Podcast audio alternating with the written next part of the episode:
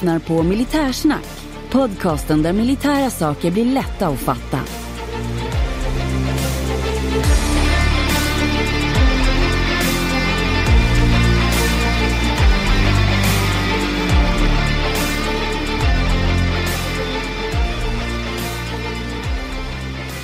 Ja men då så, då ska jag hälsa er välkomna till det första avsnittet i höstsäsongen 23 till Militärsnack.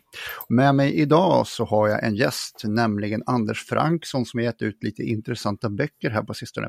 Välkommen Anders! Tack så mycket! Roligt Hur att vara är läget med, ja, tackar. Hur är läget med Anders? Ja, det är bra. Jobba på här och försöka hitta nya bokprojekt för nästa år. Ja, vad är det som ligger i pipan? Törs man fråga det? Ja, det blir ju förmodligen igen kanske om Sverige under kalla kriget. Härligt, härligt. Det är ett hett ämne, det är det. Mm. Mm. Anders, kan du lite kort berätta lite om dig själv innan vi börjar podden? Ja. Ja, Jag har arbetat på Pennan och svärdet de senaste nästan 15 åren. Och innan dess så var jag tidningsredaktör i nästan 10 år. Så hade jag jobbat med att producera säga, tidningar och böcker under lång tid. Mm. Och idag har jag väl, och många av de här har ju varit antologier, böckerna. Så jag har ju alltså många som har ställt upp och medverkat och skrivit väldigt mycket. Och tack vare det så har det så många antologier kommit ut för att folk har varit villiga att medverka. Mm. Så man kan ju tacka alla dem först och främst att utan dem så hade jag inte kommit upp över, jag har väl passerat över 20 idag. Böcker och antologier. Mm. En produktiv författare. Och det som gav mig genombrott som författare, det var en bok jag skrev tillsammans med Niklas Zetterling. Mm. Och det var en bok om slaget vid Kursk. Okej. Mm. Och, men det är den svenska boken som kom efter den egentliga kursboken som var en riktig akademisk tung sak på ett brittiskt förlag. Mm. Och då skrev vi just om Kursk för att revidera bilden om Kursk. För att folk har trott vad Moskva har sagt i många fall under många år. Mm. Moskva har sagt om olika saker, men tittar man bakom kulisserna så ser man att vad Moskva vill säga som bild, det stämmer inte alltid om man tittar på djupet. De vill ju säga, föra fram en bild som inte alltid stämmer, för den passar Mm. deras syften. Så det var där det började en gång, för 25 år sedan, med slaget om Kursk. Mm, mm. Du har gett ut en bok om kriget kommer. Mm. Eh, Den boken, Om kriget kommer, hot, beredskap och försvar, det är ju en antologi, så jag har inte skrivit alla texter. Nej, du är redaktör där, vad heter det? Ja, tillsammans med Andreas Nyberg då, men det är jag som då anlitat de andra skribenterna då, som har ställt upp och skrivit. Om kriget kommer är ju en titel som har funnits i svensk, eh, i svensk tryck sedan 1943. Har, vad har den sam, eh, gemensamt med eh, den gamla hedliga, eh, vad ska man säga, krigsförevarnande texten till allmänheten? Uh, inget egentligen. Nej. Man säger att den är ju, den där klassiska om kriget kommer, det var ju en eh, informationsskrift från jag säga, staten till medborgarna. Mm. Och den kom ju också sen på 60-talet vet jag, sen slutade man med den. Och den kom tillbaka 2018 va? Ja, MSB gav ut en ny, en ny broschyr och så vidare. Och förr hade man ju ofta den där informationen i telefonkatalogerna. Just. Men då försvann ju de. Ja.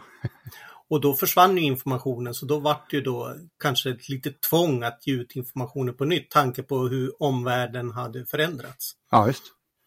Så vad är din bok då istället, om den inte är en eh, fortsättning eller en eh, variant på Om kriget kommer? Eh, det är bokens framkomst är ju på grund av vad som sker i Europa. Mm. Att Ryssland började ju 2014 ett lågintensivt krig mot Ukraina och erövrade ju då i samband med det krig Burrow's furniture is built for the way you live. From ensuring easy assembly and disassembly to honoring highly requested new colors for their award-winning seating, they always have their customers in mind. Their modular seating is made out of durable materials to last and grow with you. And with Burrow, you always get fast, free shipping. Get up to 60% off during Burrow's Memorial Day sale at burrow.com slash ACAST. That's burrow.com slash ACAST. burrow.com slash ACAST.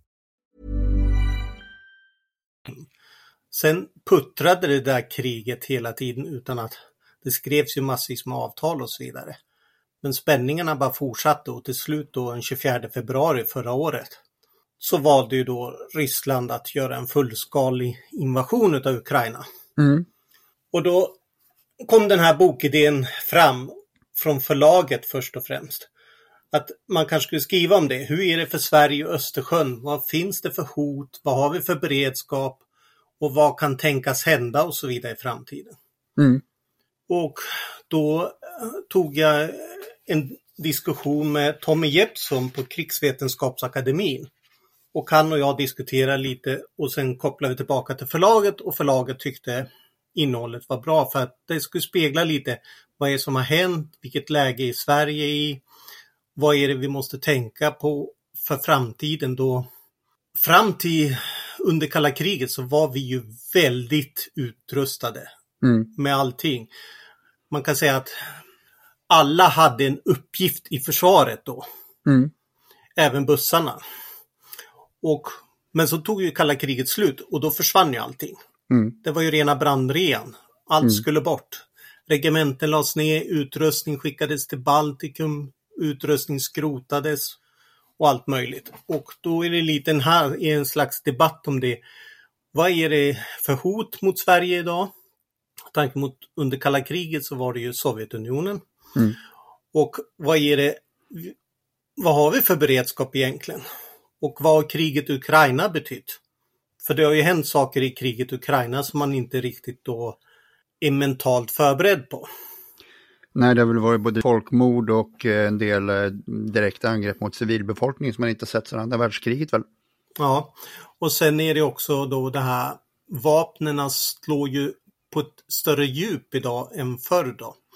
Förr så fick man ju lite mer varning när flygplanen kom flygande och så gick flyglarmet och så vidare. Idag kan ju komma en robot eller missil flygande och så kommer den och så slår den ner. Var någonstans vet man inte. Mm. Ja.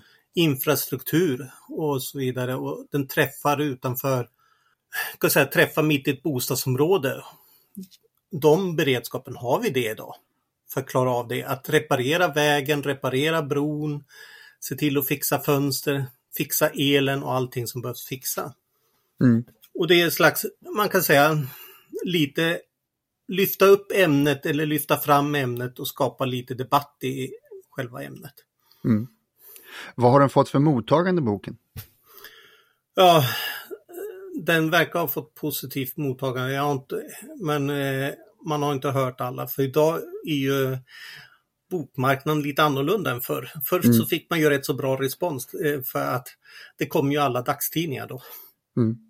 Det var ju Oj. bokrecensioner varje dagstidning och då fick man ju ett rätt så bra respons. Idag är det ju mer spritt och då är det svårare alltid att få en blick på det. Mm. Överblick menar jag. Men den här boken har i alla fall gett att du har fått komma med i en podcast. Ja, ja, ni har gett mig uppmärksamhet. det är ju att eh, samtidigt som vi eh, tog fram den här boken så tog vi fram en annan bok som då fokuserar mer på Ryssland. Då, men det var ett annat förlag. Då. Okej, var det den här eh, Varför Ryssland alltid förlorar i krig? Ja, ryska krigsfiaskon. Då. Ja, just. Och det är också, om man säger om kriget kommer, det är nuet, Sverige och framåt. Medan ryska krigsfaktor är också nuet men bakåt. Mm. För att det är ju lite problem här överhuvudtaget. Traditionellt i Sverige så har det alltid varit klart att det är sovjetiska armén som kan komma. Antingen kommer de till Gotland eller så kommer de till Skåne eller så kommer de till Östergötland eller så genom Norrbotten. Mm. Men sen kom ju den kan säga, stora freden. Mm. Och allt, då börjar man ju undra vad det är som kan ske då. Men fortfarande idag kan ju kriget komma annorlunda. För det behöver inte vara ett krig att de kommer hit. Nej. det är till exempel, vi har ju alla hört talas om påverkansoperationer, cyberangrepp. Och idag är det lördag den 2 september, då har ju ICAs betalningssystem varit nere. Mm. ICA vet, har ju fått igång det nu efter ett antal timmar, men ingen vet om det var täckningsfel, var det någon som angrep eller vad det var. Mm. Och vi ser ju hur eh, det här berömda heter ju cyberangrepp och påverkansoperationer. Hur det kommer in i vårt samhälle. Så att en fiende behöver egentligen inte vara här för att angripa oss. Nej, det är en mildare form av terrorbombning eller terrorangrepp så att säga. Ja. Det ställer det- till problem. Mm. Och sen är det ju också som har skett stor ändring, det är ju att försvaret har återkommit till- Gotland. Ja, just det, det är faktiskt väldigt välkommet. Mm. För tidigare så lades ju allt ner där. Och sen, nu har de ju börjat återkomma. För att det är ju bara att titta på vad som skedde på Krim 2014. Mm. Plötsligt var små gröna män där och ingen visste hur de skulle hantera det. Och Ukraina klarade inte av det själv. Mm. Plötsligt var inte Krim ukrainsk längre. Nej. Påminn gärna mig som är är dåligt påläst och kanske några av mina lyssnare som inte vet hur det gick till själva angreppet 2014. Ja men det var ju att små gröna män dök upp i uniformer som inte hade någon kännetecken och så vidare. Och ingen visste riktigt vad de var. De tog ju kontroll över olika positioner. Och ukrainska armén då, 2014, var ju inte vad den är idag. Nej.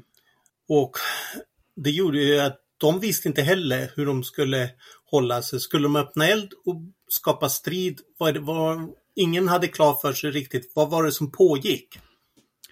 Och vid osäkerhetsfaktor hade det situationen, hade det hänt då att ukrainskt förband öppnade eld och det hade blivit eldstrid, då kanske situationen hade utvecklats annorlunda. Mm. Men ingen visste klart vad som pågick och sen, vad heter det, kan man säga, fät och pli eller vad det heter. Ryssarna tog över allting. Mm. Fast de hette ju inte att de var ryssar, det var ju små gröna män då. Okej. Mm. De hade inga nationsförteckningar och så vidare. Men de- den där typen av eh, övertagande har vi inte sett i modern tid vad jag, vad jag vet. Nej, sättet. jag har inte heller något. Det kan ju ha hänt viss fall i mindre statskupper och sådana grejer, men då har det ju varit mer statskupper. Mm. Här var ju ett, ett land som tog en bit av ett annat land. Ja, det är ett klurigt och innovativt sätt att göra det på. Jag, jag kan gissa mig att sånt där hände i antiken och liknande, men som sagt, i modern tid har det inte hänt, vad jag vet. Nej, inte, jag känner inte till, men det är säkert någon lyssnare som vet något fall där det har hänt. För det har hänt olika sådana här specialoperationer och där folk har då flygits in för att ordna ett, vad heter det, förändra maktläget och sådana grejer. Mm. De bitar i den här boken som du har skrivit själv, vilka är det och vad handlar de om? Ja, Jag har först skrivit det här med, som jag talade först om, lite om scenario. Hur kan tänkas ett angrepp komma till Sverige då? Och där har ju då eh, Magnus Kristiansson på F Försvarshögskolan skrivit om NATO som en symbol. Det här med, kommer vi gå med i NATO eller inte? Mm. Och då är det ju en helt olika situation för Sverige. Om vi tar Gotland till exempel, som jag tog upp det här med små gröna män. Om Sverige inte är med i NATO, vad skulle hända då om det skulle bli ett angrepp på Gotland och någon tar över Gotland? Mm. Alltså innan 2018 så hade vi inte så mycket folk där. Vi har ännu inte mycket folk. Mm. Men soldaterna måste ju komma från över vatten eller flygas in. Det är inte så lätt. Nej. Och eh, tanke på då de dagens luftvärn har ju mycket, mycket längre räckvidd. Så det är ryska luftvärnet som finns i Kaliningrad kan ju till och med påverka luftrummet ovanför Gotland. Men sen har ju då kriget i Ukraina visat det här med drönare. Just. Och hur gör man det och så vidare. Så det är komplext. Men det ena som jag skrev om det var alltså krigsscenario. Alltså möjliga saker till angrepp. För det finns ju samma sak som ryssarna har gjort i Ukraina. De har ju gått in och sagt att de skyddar den ryska befolkningen. Mm. De kunde göra samma sak på Estland. Mm. För i Estland finns det mycket rysk befolkning. Och då plötsligt är de där i Estland. Mm. Och NATO har ju då i försökt förhindra för att det här ska inträffa stationerat NATO-förband redan i Baltikum i förväg. Mm. Just för att finnas på plats. Och Ryssland har ju varit hemskt emot det för att de ser det ju som en uppladdning mot dem då. Ja. Men det är ju bara att tänka då att ett antal, det bildas någon folkmilis i Estland och så smyger några in och så vidare. Mm. Men det vet man inte. Men det andra jag har skrivit om det är ju just om flyget. För det är inte många som riktigt förstår det. Det ryska flygvapnet är, ser snyggt ut, men det är inte Mm. så bra.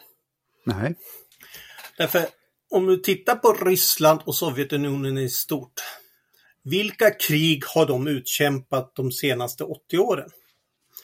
De var, vann ju andra världskriget. Men Mm. sen efter det, de har egentligen inte varit med i ett enda storkrig. Nej. De har ju då bekämpat grilla och lite invasion. Det stora kriget för dem var Afghanistan 1979. Det gick inte så bra. Nej, men det var de slogs mot, det var ju grilla med Kalashnikov kulsprutor som senare fick Stinger. Ja, just det. Hey, I'm Ryan Reynolds. Recently, I asked Mint Mobile's legal team if big wireless companies are allowed to raise prices due to inflation. They said yes. And then when I asked if raising prices technically violates those onerous two year contracts, they said, What the f are you talking about, you insane Hollywood ass? F- So to recap, we're cutting the price of Mint Unlimited from $30 a month to just $15 a month. Give it a try at mintmobile.com slash switch. $45 upfront for three months plus taxes and fees. Promo rate for new customers for limited time. Unlimited more than 40 gigabytes per month. Slows. Full terms at mintmobile.com. Everyone knows therapy is great for solving problems, but getting therapy has its own problems too, like finding the right therapist, fitting into their schedule, and of course, the cost. Well, BetterHelp can solve those problems. It's totally online and built around your schedule. It's surprisingly affordable too. Connect with a credentialed therapist by phone, video, or online chat, all from the comfort of your home.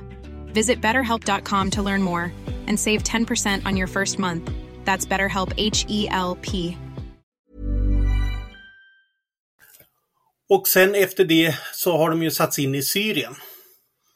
Och Syrien från 2015, ryska flygvapnet, där har de ju också kunnat flyga som de vill och bomba som de vill för att IS eller syriska rebeller eller motståndsrörelse mot Assad, de har ju inte heller haft något bättre vapen än vad vad heter det, Muadin hade i Afghanistan. Nej, just. Så ryska flygvapnet har sedan 1945 egentligen inte stridit mot en reguljär krigsmakt.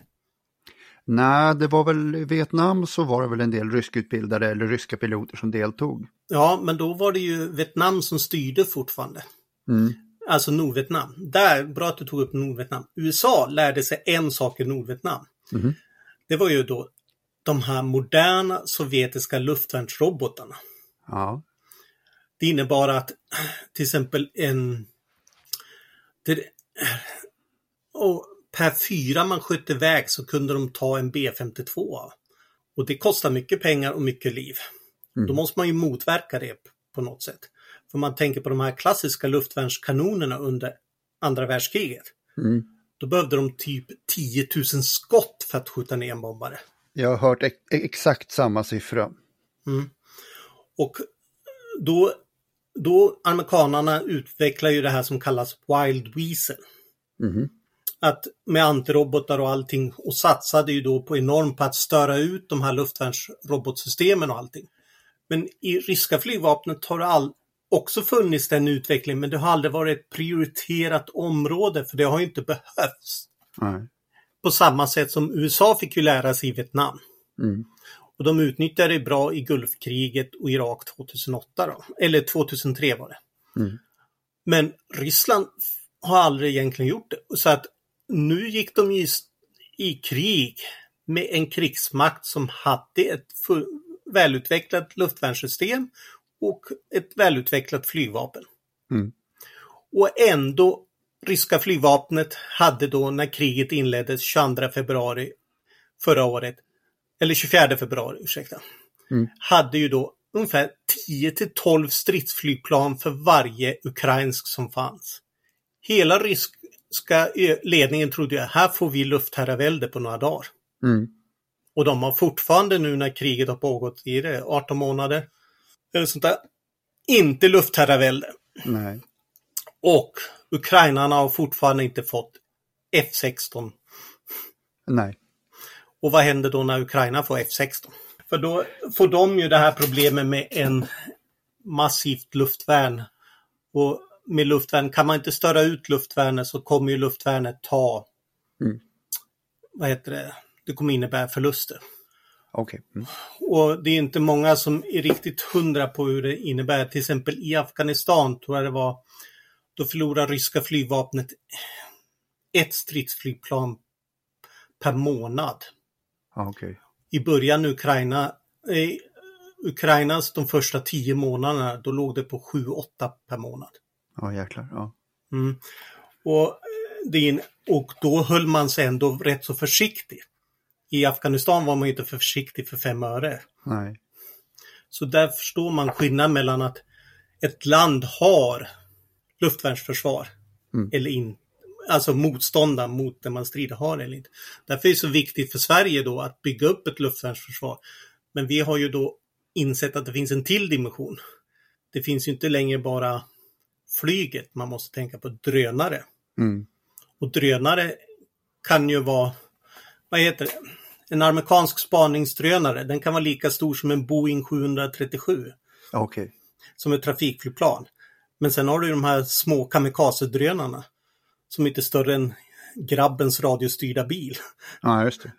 Och då har samma radar som upptäcker båda de här systemen. Ja, det går inte med samma enheter. Nej, och det, för att i de här stora radarsystemen så de där små sakerna räknas ju bort som brus. Mm. Och det gör ju en utmaning då. Och sen är det ju då, vi har ju köpt nu sådana här fina Patriot-robotar. Mm. Eller missiler eller vad man vill kalla dem. Luftvärnsrobotar, Patriot. Men att skjuta sådana på drönare, det är som att äh, gödsla pärlor till svin. Mm. De kostar ju miljoner kronor och så skjuter du på något som motståndarna har köpt för 600 dollar på, Mm. på någon bättre sorterad affär.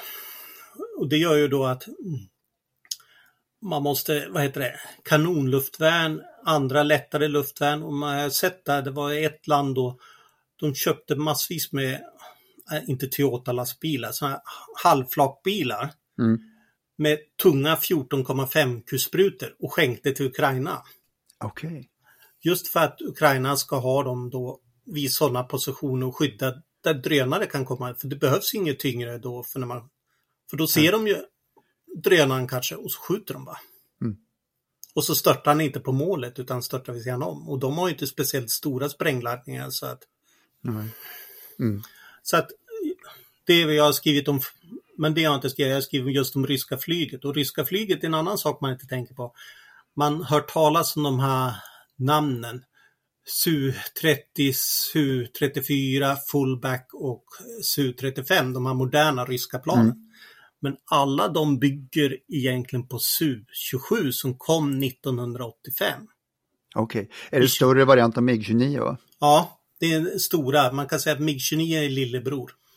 Ser du en bild på dem bredvid varandra så är det storebror och lillebror. Mm. Och Det innebär att det här är egentligen fjärde generationens vad heter det, stridsflygplan. Det nya amerikanska, det är ju F, som alla vill ha, F35 heter det. Det är ju femte generationen, så det är ju lite mer avancerat. Mm. Och Sverige ligger väl mellan 4 och 5, 4,5 kan man säga, de moderna Gripen. Skulle jag säga, men det, sen kanske inte alla flygare håller med mig. Nej, okej. Mhm. Men Finland har ju då haft, eh, de går ju från sina FA18 Hornet till det här nya F35. Då. Så att Norge har gjort det och Danmark har gjort det så att hela Norden kommer ha modernare flygplan än egentligen Ryssland har. Mm, mm. Och Ryssland idag strider ju faktiskt mot ukrainska versioner Su-27 och MiG-29. Men det är ukrainska versioner så de är lite sämre än de ryska men ändå går det inte. Okej, ja, nej. Nej, men jag har ju faktiskt funderat lite på vart det ryska flygvapnet är någonstans för att eh, de, eh, som det förefaller så efter, efter den första tiden så, så verkar det mer vara helikoptrar och mindre sådana här nålsticksoperationer de utför bara. Ja, men det är ju för att för varje flygplan som dimper i backen så är det ju stora pengar.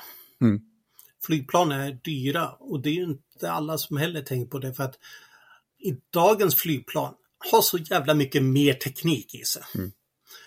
Och jämfört med förr i tiden. Därför Sverige en gång i tiden hade var fjärde största flygvapnet i världen. Just precis, precis. Men det berodde på att planen då var, kan jag säga, idag skulle vi skulle vi försöka göra den satsningen idag, då skulle vi ekonomiskt gå i konkurslandet för flygplanen är så himla mycket dyrare per styck. Ja. Även om penny, alltså, för man stoppar in så mycket mer teknik i flygplanen och de mm. blir dyrare och dyrare. Ja. Nej, så att, och kriget i Ukraina har ju visat på många saker så att till exempel att mm, det har ju visat på att Ryssland körde ju sådana här bataljonsstridsgrupper som man hört talas om i början. Och det visar sig ju de är alldeles för tunna.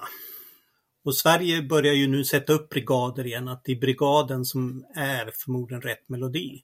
Mm. Men man behöver ju då en samverkan mellan alla typer av vapensystem. Då. Mm.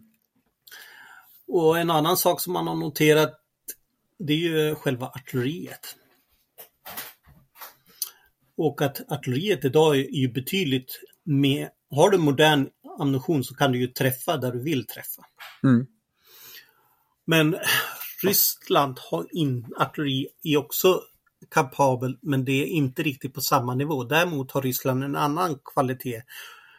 Om du har två eldrör så har ryssarna 20 eldrör. Mm, mm, mm. Så de täcker hela ytan istället för att ja. täcka just fläcken du finns på. Mm. Och då det, är blir lite det... som, det är som att prickskjuta med hagel.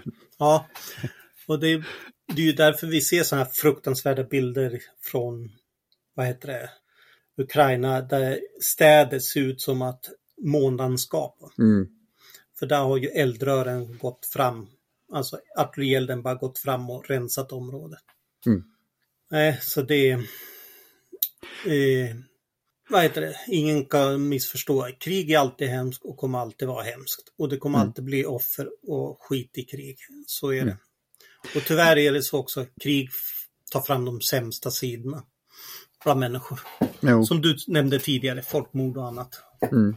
Vad ser, nu, nu handlar den här boken, den, den kommer ju då ut, utifrån eh, Ukraina-kriget och handlar om Sverige. Vad ser du för likheter och för skillnader som om, om det här anfallet hade varit riktat mot Sverige till, till exempel?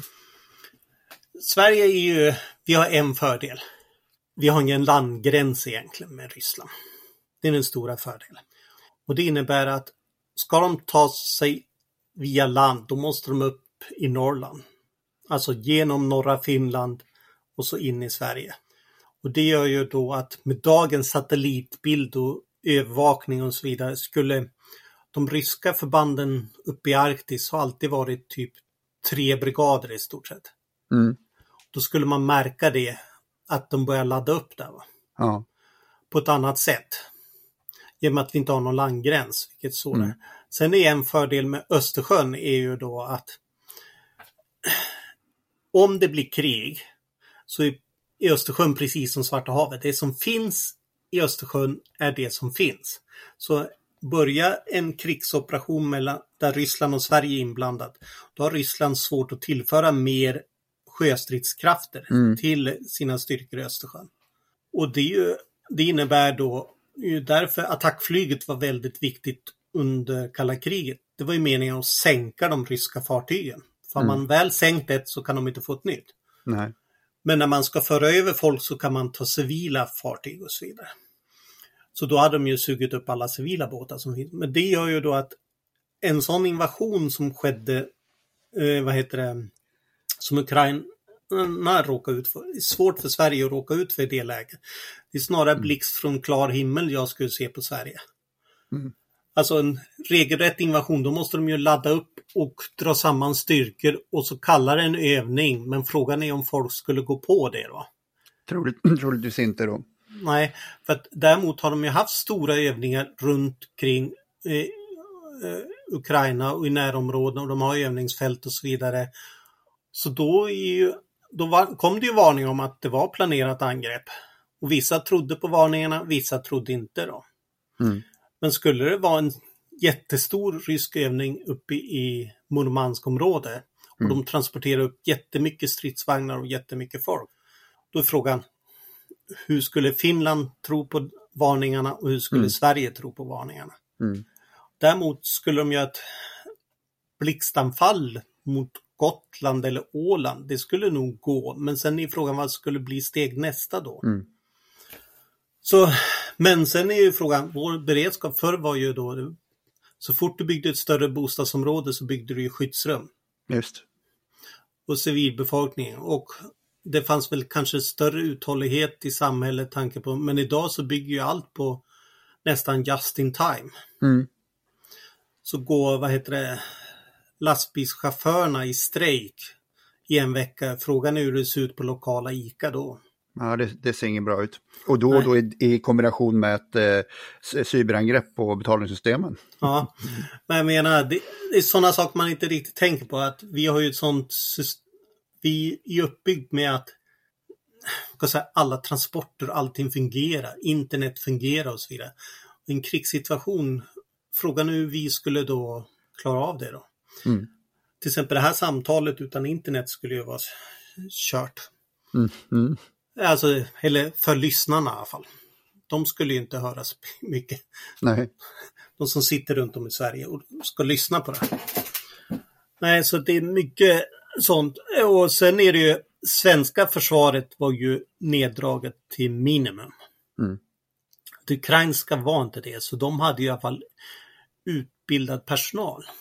Och det är ju då, vad heter han, förre presidenten i Ukraina, Petro Poroshenko. Det är ju han som har sett till det.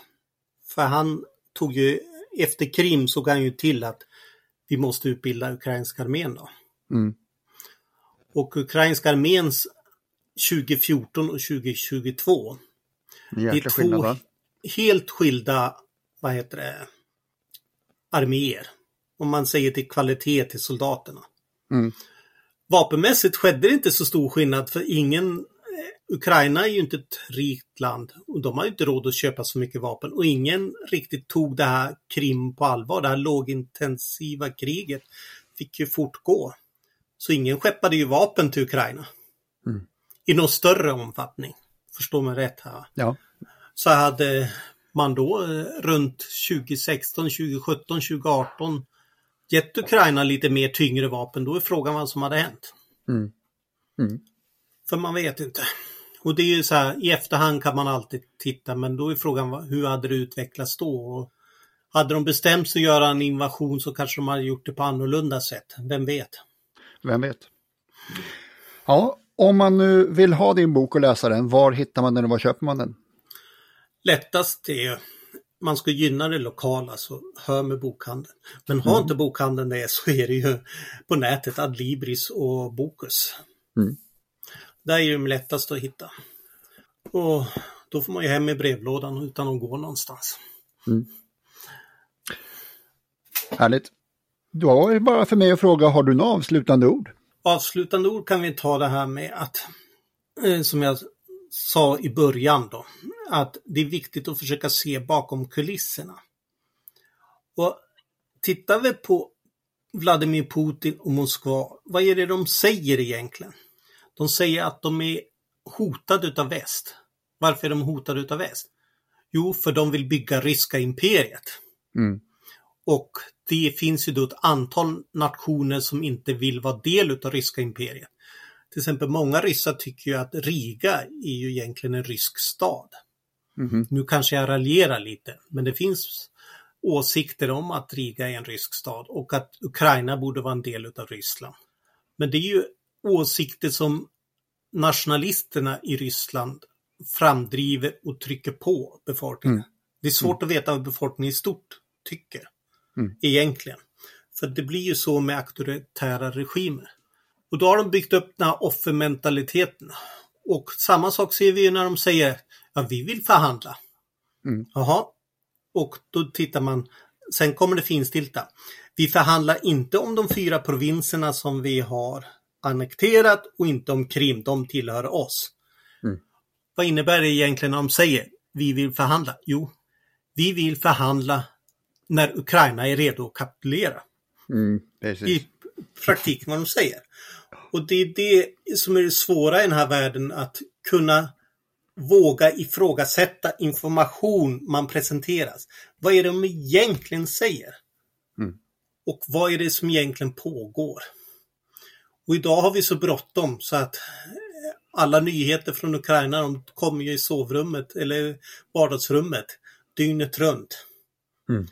Men tittar vi på krig, krig håller på väldigt länge ofta. Om vi tar mitt starka ämne då eftersom jag börjar med slaget vid Kursk så är det ju andra världskriget. Och ett berömt slag där är ju slaget om Stalingrad. Mm. Den tyska sjätte arméns undergång som det heter. Mm. Och det talas upp som vändpunkt för kriget. Och den kapitulationen skedde 2 februari 1943. Mm. När tog ryssarna Berlin efter det? Eller sovjetiska armén eller Röda armén som det heter. Ja, maj. 9 maj 40, eller 8 maj 45 tog Mm. kriget slut. Mm. Alltså 8 maj 45 tog kriget slut. Det var alltså två år och tre månader senare. Mm. Och det visar ändå, trots Stalingrad beskrivs som en stor seger, krigets vändpunkt, så tog det ändå två år och tre månader till. Mm. Då kan man förstå det här kriget i Ukraina. Inte någon sida, inte Ryssland ville att backa. Eller de råkar ut för något nederlag. Som till exempel Kerchbron håller inte hur länge som helst. Och vad händer om den skulle gå sönder? Mm. Så det är ju bara spekulationer. Alltså det är just att förstå att krig kan pågå väldigt, väldigt länge. Mm. Och därför man ska inte bege sig in i krig som det. Med de orden så låter jag detta avsnitt vara avslutat och tackar dig jättemycket Anders för att du kom hit. Mm. Mm, tack så mycket, det var trevligt att vara här. Tackar. Mm, tack! Hej.